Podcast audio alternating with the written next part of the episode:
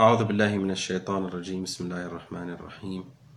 الحمد لله رب العالمين. وصلى الله على نبينا محمد وعلى أهل بيته الطيبين الطاهرين.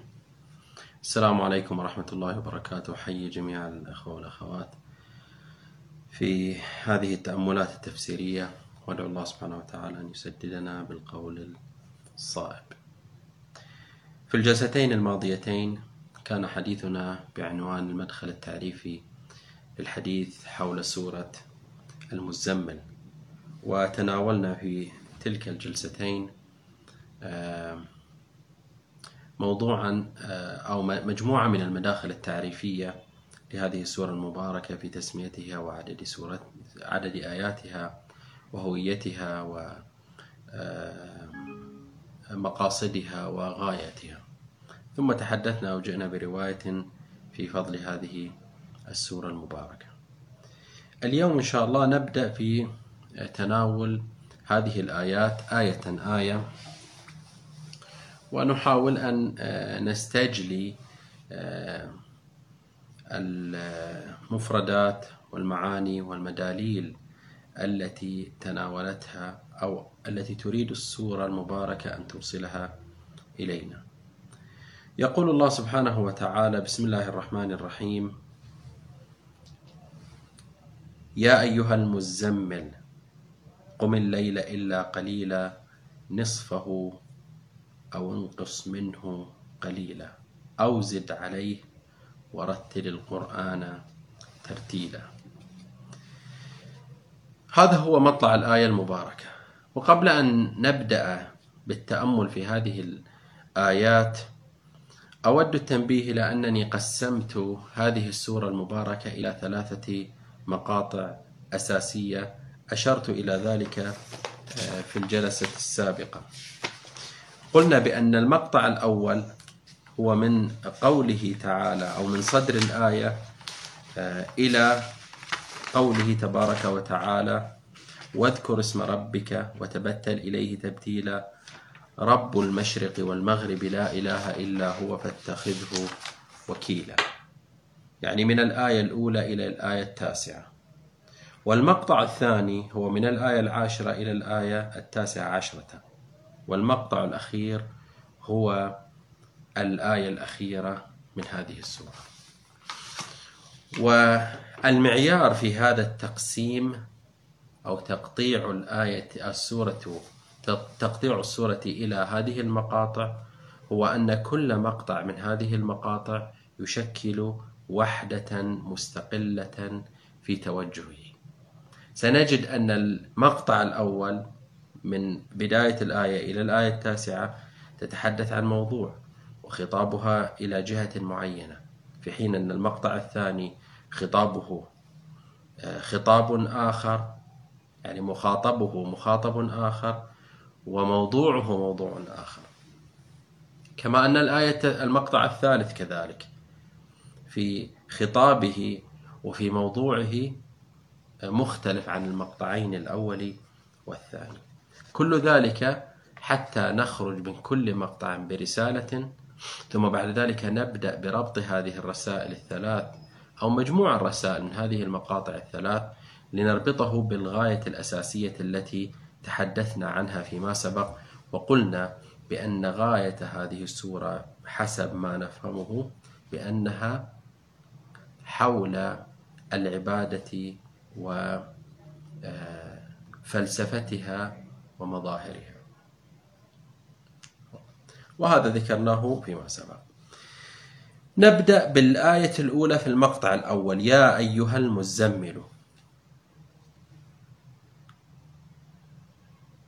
أول ما يشد ما يشدنا ويلفت انتباه ويلفت انتباهنا في هذه الآية هو أنها خطاب من الله سبحانه وتعالى إلى شخص لم تحدد السورة في هذه الآية من هوية هذا الشخص من هو هذا الشخص من هو المنادى من هو المخاطب. استعملت أداة النداء يا أيها المزمل لم تحدد هويته بشكل مباشر وإنما ناداه الله سبحانه وتعالى. وهو وهذا المنادى متصف بوصف وفي حالة معينة وهي حالة وهي حالة التزمل يعني هناك شخص متزمل فوجه الله سبحانه وتعالى إليه هذا الخطاب. فقال له يا أيها المزمل إلى آخر المقطع. إذا من هو هذا الشخص المتزمل الذي خاطبه الله سبحانه وتعالى وناداه الله سبحانه وتعالى؟ لم تحدد الآية الأولى من هو. هنا لابد أن نقف مع الآيات بحسب مداليلها بغض النظر عن مرتكزات التي في أذهاننا. كثير من الأحيان نحن لدينا مرتكزات لا نعلم أين هذه من أين جاءتنا هذه المرتكزات. خطاب من الله سبحانه وتعالى لشخص متزمل يا أيها المتزمل. إذا أردنا أن نستجلي ونستوضح ونستكشف هذا الشخص من هو؟ لا بد من الرجوع إلى سياق الآيات التي تلي هذه الآية. سنجد أن سياقها يؤكد لنا بأن المخاطب والمنادى في هذه الآية المباركة وبهذا الوصف وصف, التز وصف التزمل هو رسول الله صلى الله عليه وآله. وما هو الدليل؟ ما هي المؤشرات التي تجعلنا نذهب إلى هذا الاتجاه؟ ولتشخيص أن هذا المخاطب وأن هذا المنادى من قبل الله سبحانه وتعالى هو نبينا محمد صلى الله عليه وآله. إذا رجعنا إلى آيات هذه السورة ستؤكد لنا بأن المخاطب هو رسول الله صلى الله عليه وآله. لاحظوا في, في السورة المباركة إنا سنلقي عليك قولا ثقيلا. بعد ذلك سنتوضح أن هذا الخطاب خطاب إلهي للنبي صلى الله عليه وسلم واصبر على ما يقولون واهجرهم هجرا جميلا. خطاب من الله للنبي صلى الله عليه وآله. هذا فضلا عن أسباب النزول التي ذكرها المفسرون في كتبهم. إذا هذا النداء الإلهي النازل من السماء على شخص وهذا الشخص في حالة تزمل لم تحدد الآية المباركة هويته لم تحدد شخصه. وإنما اعتمدت على سياقات. إنا سنلقي عليك قولا ثقيلا واصبر على ما يقولون. إلى نهاية السورة سنكتشف ونستكشف بأن المراد من هذا النداء هو نبينا محمد صلى الله عليه وسلم إذا هناك خطاب من الله إلى النبي محمد صلى الله عليه وآله وكل ما يلي هذا الخطاب سيكون راجعا وكل تلك التعاليم التي سوف نجدها في هذه السورة المباركة سوف تعود على نبينا محمد صلى الله عليه وآله وهو المخاطب بالدرجة الأولى في هذا السياق. هذه نقطة. نقطة أخرى كلمة المزمل ما المراد من المزمل؟ ما المراد من هذا هذا الحال هذا الوصف الذي وصفه الله سبحانه وتعالى أو نادى الله سبحانه وتعالى نبيه وهو بهذا الوصف؟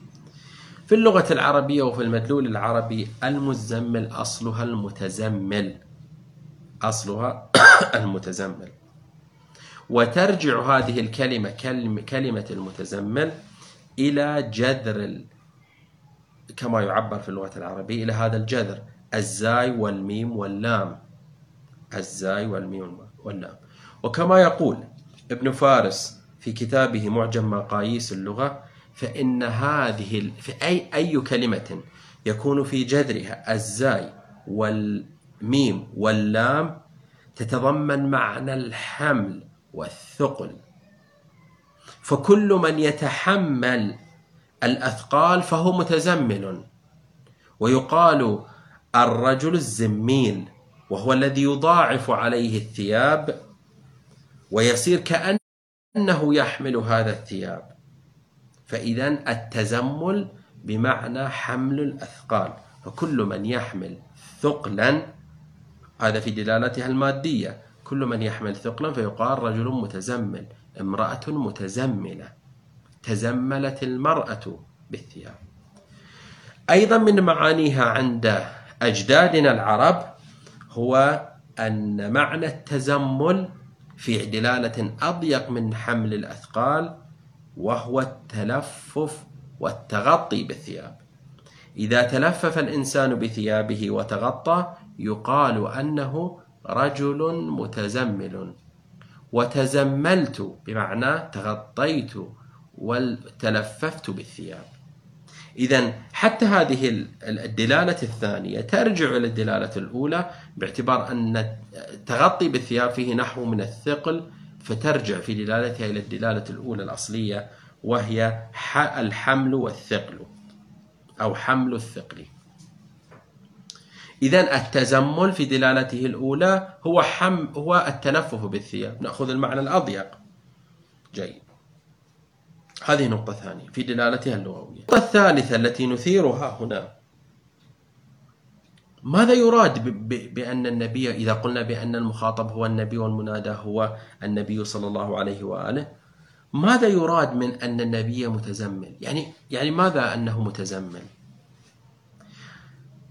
هل هناك تصور آخر معنى استعاري معنى رمزي أو لا؟ نأخذ الدلالة اللغوية المعجمية في هذا المجال. ولماذا اختار الله سبحانه وتعالى أن ينادي نبيه وهو في حال التزمل ليكن في حال المشي ليكن في حال العبادة ليكن في حالة أخرى. لماذا حال التزمل ولماذا ذكر التزمل يعني لابد أن يذكر حاله في النداء. ليقول يا محمد يا أيها الرسول يا أيها النبي يا هذا غيرها من من النداءات لماذا اختار أن يذكره في حاله؟ يناديه وهو متلبس بتلك الحالة التي نريد أن نستكشفها إذا هذه النقطة الثالثة آه، تجعلنا نتحدث عن أولا ما معنى تزمل النبي؟ وما المراد من تزمل النبي؟ ثم لماذا ناداه الله وهو في هذه الحال؟ وهي حال التزمل بالنسبة إلى معنى تزمل النبي تعرفنا أن الدلالة الأولى والأصلية التي نرجع إليها هي الدلالة اللغوية والمعجمية وهي التلفف بالثياب. فإذا هذه الدلالة الأصلية وإذا أردنا أن نصرفها أن نصرف أو أن ننصرف أو نصرف الآية عن هذه الدلالة الأصلية لا بد لنا من دليل ولا بد لنا من قرينة تجعلنا نطمئن بأن الله سبحانه وتعالى لم يستعمل ها أو لم يستعمل هذه هذا الوصف أو هذه الكلمة في معناها المعجمي واللغوي وإنما استعملها في معنى رمزي أو استعاري مثلا. هناك رأيان آه، لدى المفسرون في هذا السياق. الرأي الأول. ويقول الرأي الأول أن المراد من المزمل هو المعنى اللغوي. فالله سبحانه وتعالى وجه لنبيه صلى الله عليه وعلى آله نداء أو وجه له نداء وهو متلفف بثيابه متغط بها. إذا هذا أصحاب الرأي الأول يقول نحن مع الأصل. الأصل في اللغة المتزمن المتلفف بثيابه. فالله سبحانه وتعالى نادى نبيه ووجه له النداء وهو بحال التلفف بالثياب. هذا أقصى ما يمكن أن يقال. إذا كان كذلك لماذا اختار هذا الوصف؟ يعني لماذا لم يقل له يا أيها النبي؟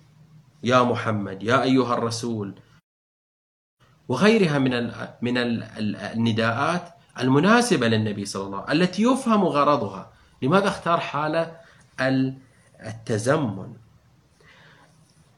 أجدادنا العرب أيضا يستعملون هذا الأسلوب أسلوب النداء في الحال. يعني كيف أسلوب النداء في الحال؟ يعني العربي إذا وجد شخصا مقربا منه أو أراد أن يظهر التقرب من هذا الشخص فإنه يناديه بالحالة التي هو عليها. في محاولة لإظهار التقرب من هذا المنادى فيجده في حالة معينة فيقول له يا فلان المتصف بهذا الوصف خل أعطي مثال؟ لدينا في رواية منقولة تاريخية بأن النبي صلى الله عليه وآله وجد أمير المؤمنين في المسجد أو في مكان ما وقد ملأه الغبار قد اكتساه الغبار فقال له قم يا أبا تراب. قم يا أبا تراب.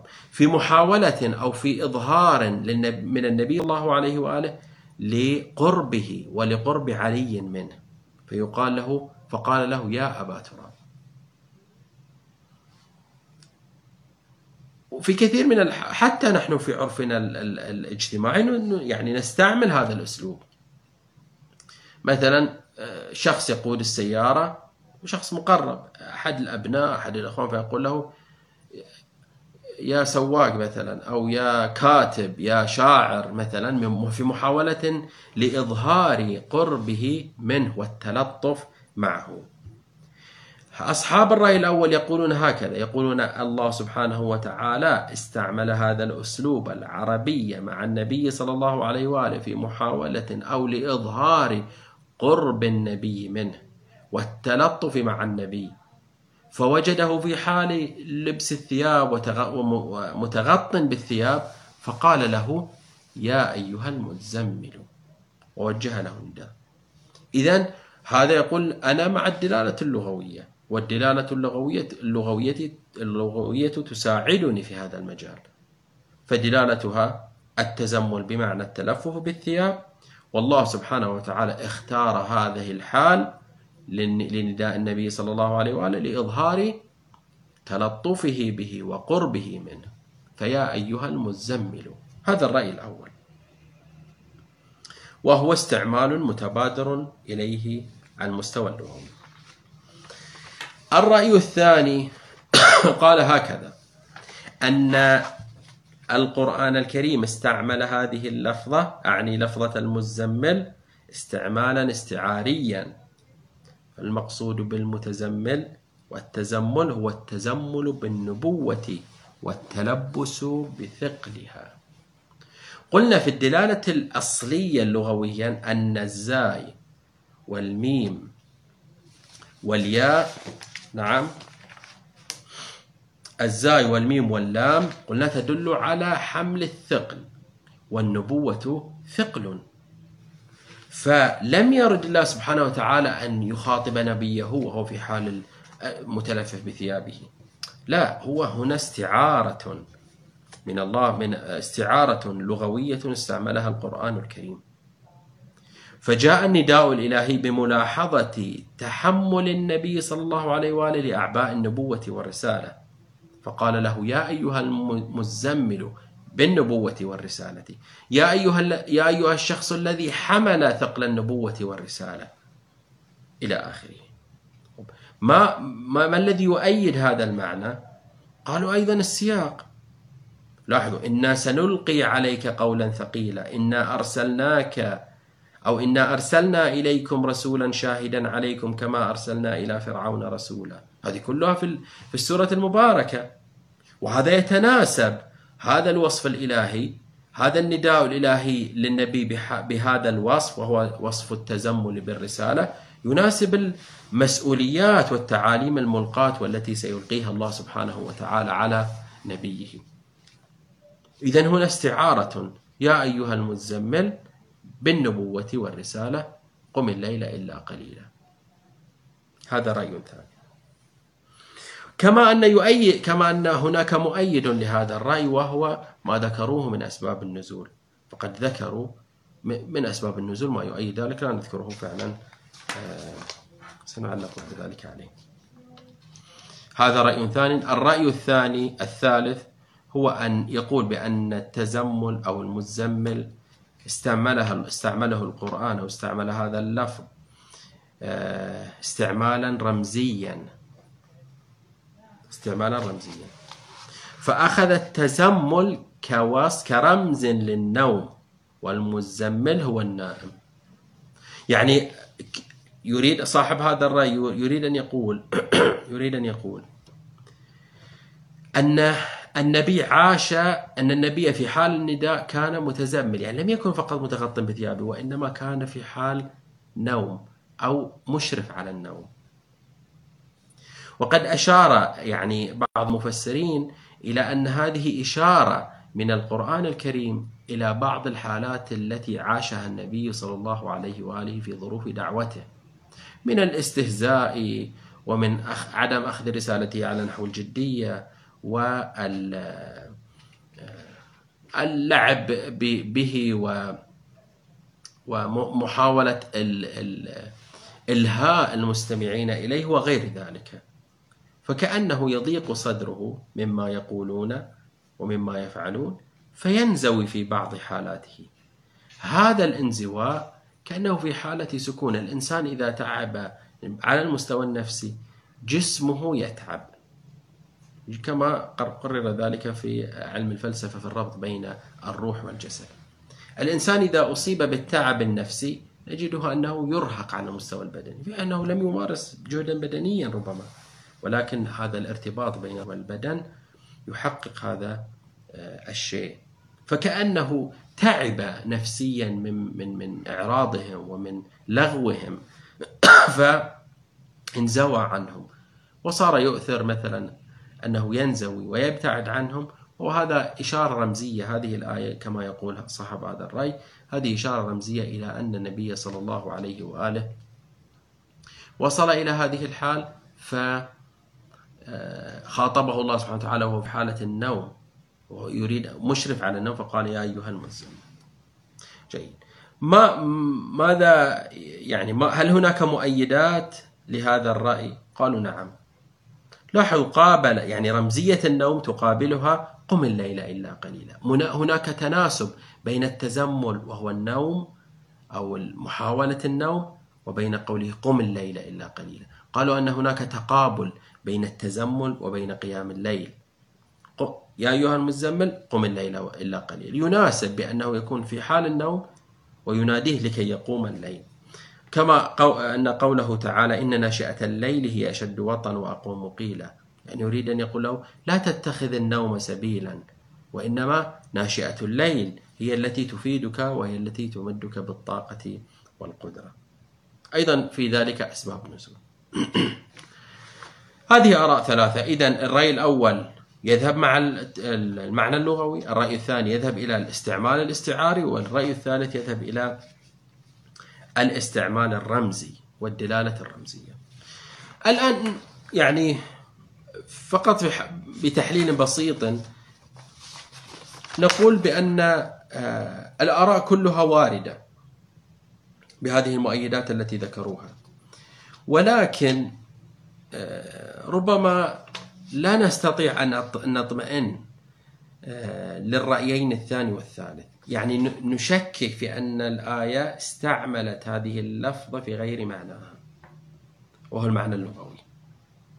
وما ذكر من قرائن في الواقع لا يتناسب ولا يرقى إلى مستوى أن يكون قرينة بحيث يجعلنا ننصرف عن المعنى اللغوي والمعنى المعجم الذي نطمئن إليه إلى دلالة أخرى دلالة استعارية أو دلالة رمزية.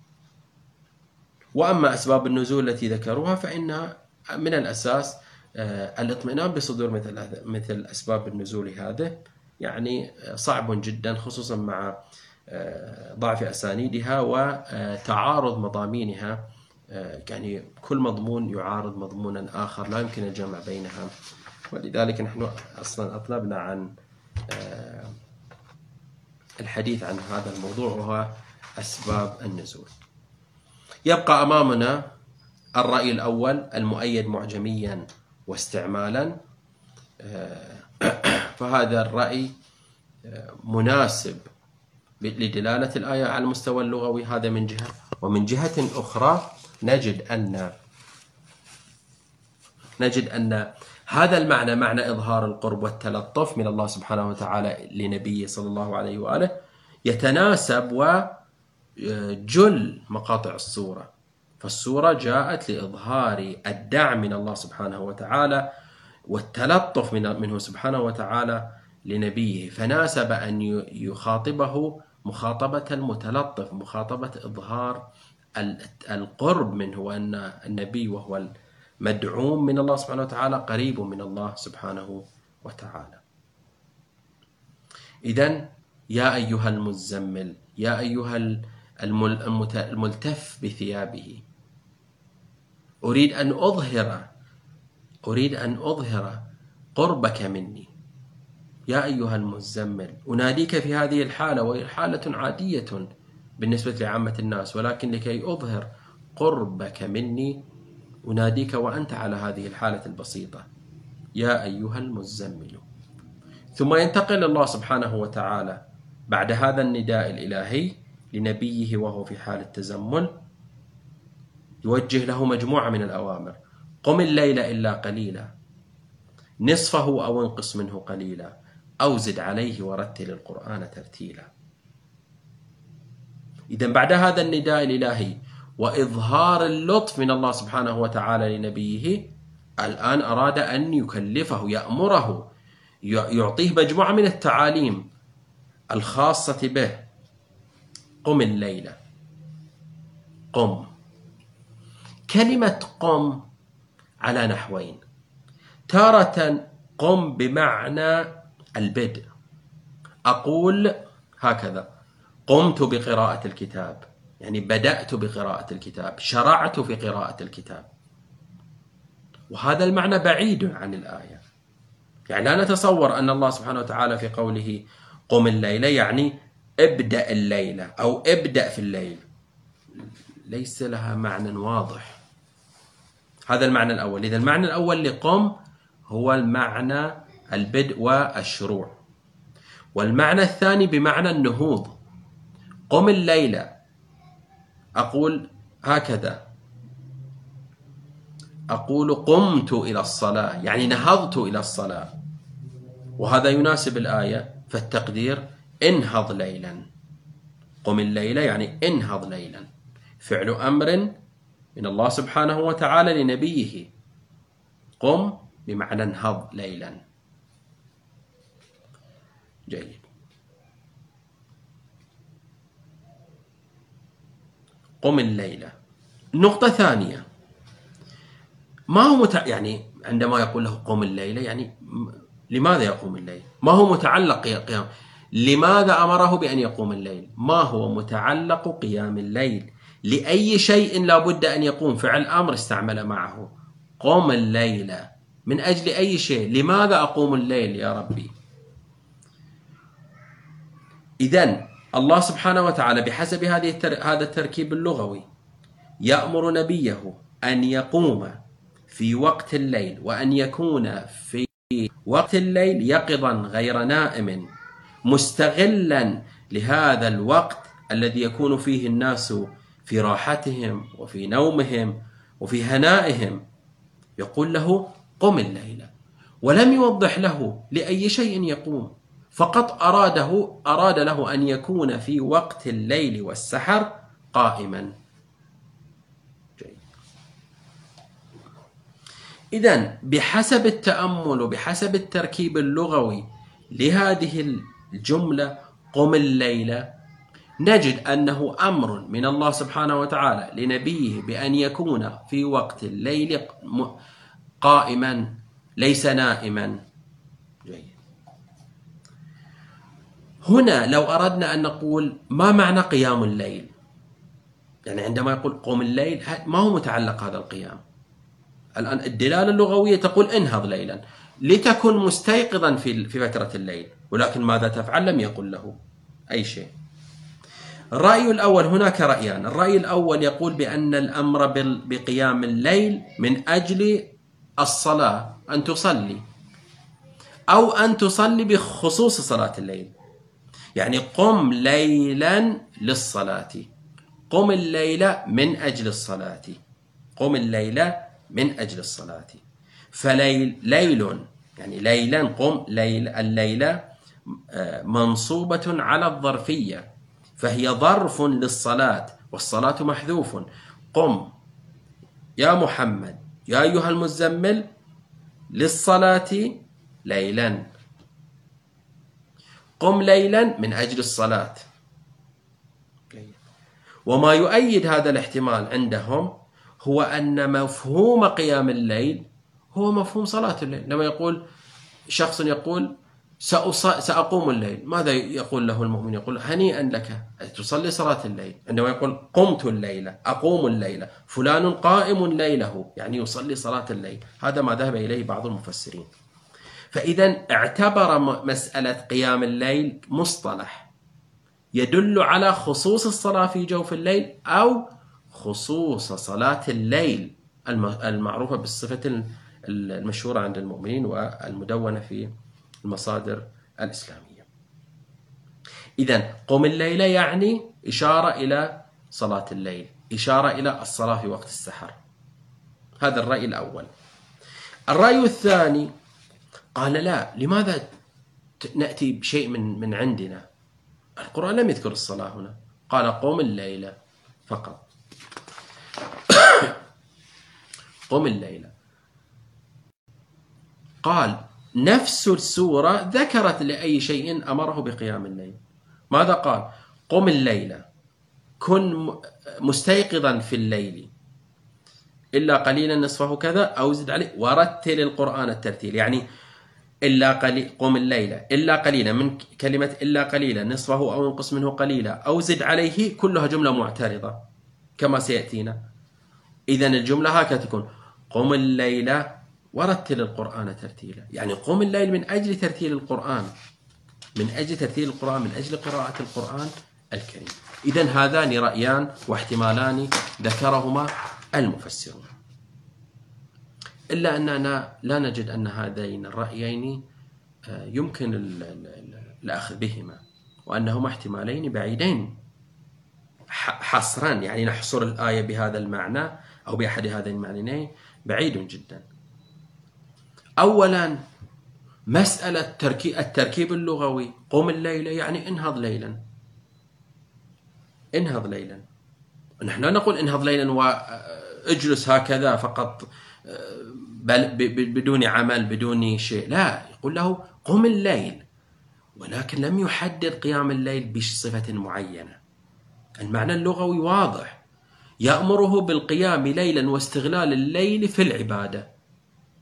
أما أنه من أجل الصلاة أو أنه من أجل قراءة القرآن لا دليل عليه بشكل واضح يعني. يعني لا يمكن أن نصرف الآية المباركة عن ظاهرها ونضيقها إلى صلاة الليل أو صلاة في الليل أو آه، قراءة القرآن. هذا يحتاج إلى دليل. من نفس الآيات أقول. الآن تأتيني تقول لي روايات سنأتي بعد ذلك على موضوع الروايات تحديدا.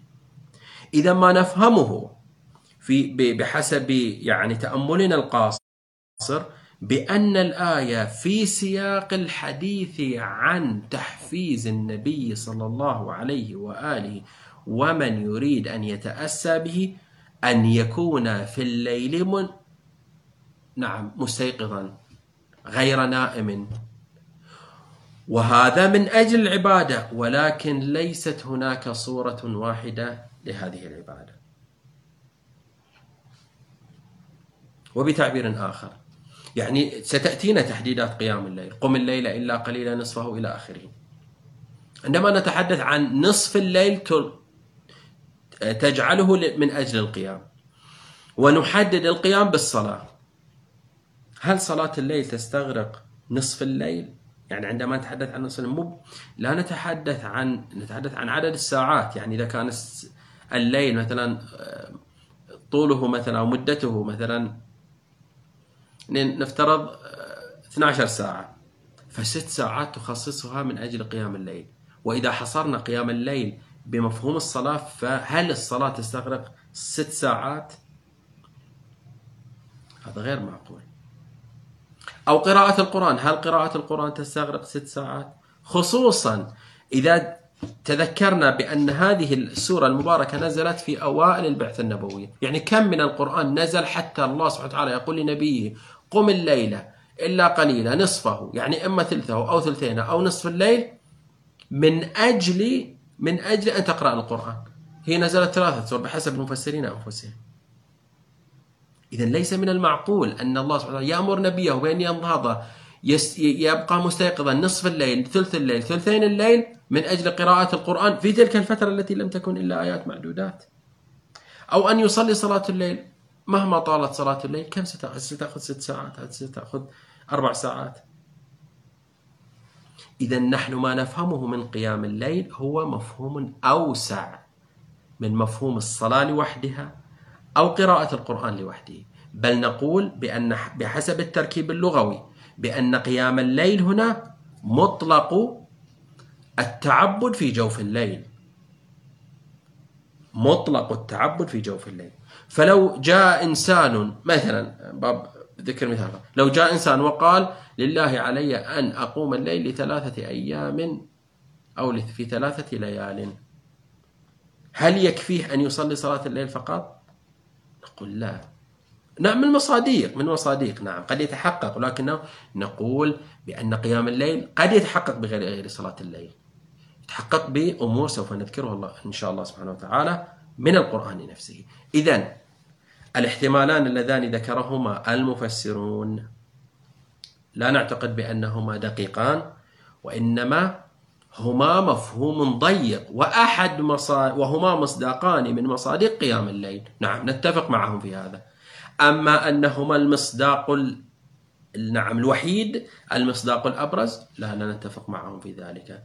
بدليل أو بقرينة التركيب اللغوي لقيام الليل قم الليل ولم يحدد متعلق القيام لا من أجل الصلاة ولا من أجل قراءة القرآن بل أوسع من ذلك. نعم قراءة القرآن منه من قيام الليل. الصلاة الليل من القيام من قيام الليل. مطلق الصلاة من قيام الليل ولكن ليس قيام الليل محصورا في هذين المصداقين أو هذين الأمرين.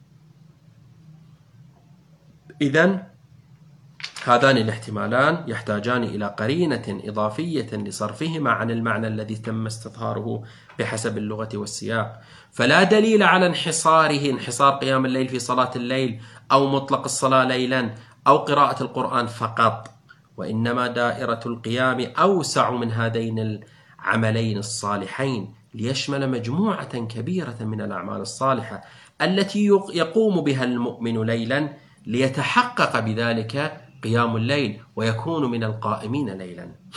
ومما يشير إلى هذا إلى ومما يشير إلى هذه الشمولية ما سيأتي من تحديد فترة قيام الليل وأنها فترة طويلة. حددها الله سبحانه وتعالى ووسعها من أجل تستوعب العبادات الكثيرة.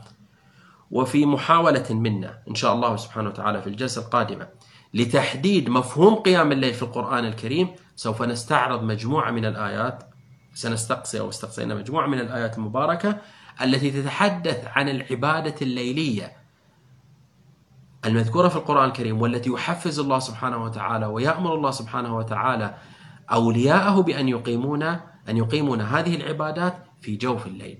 نستعرض مجموعة من هذه الآيات في كيفيتها في آثارها وغير ذلك إن شاء الله تعالى في الجلسة القادمة. هذا تمام الحديث حول الآية الأولى بسم الله الرحمن الرحيم. يا أيها المزمل. ثم بعد ذلك قم الليل. الآن نحن في مفردة قم الليل. وقلنا ما قلنا فيما سبق. أقول قولي هذا وأستغفر الله لي ولكم. والسلام عليكم ورحمة الله وبركاته.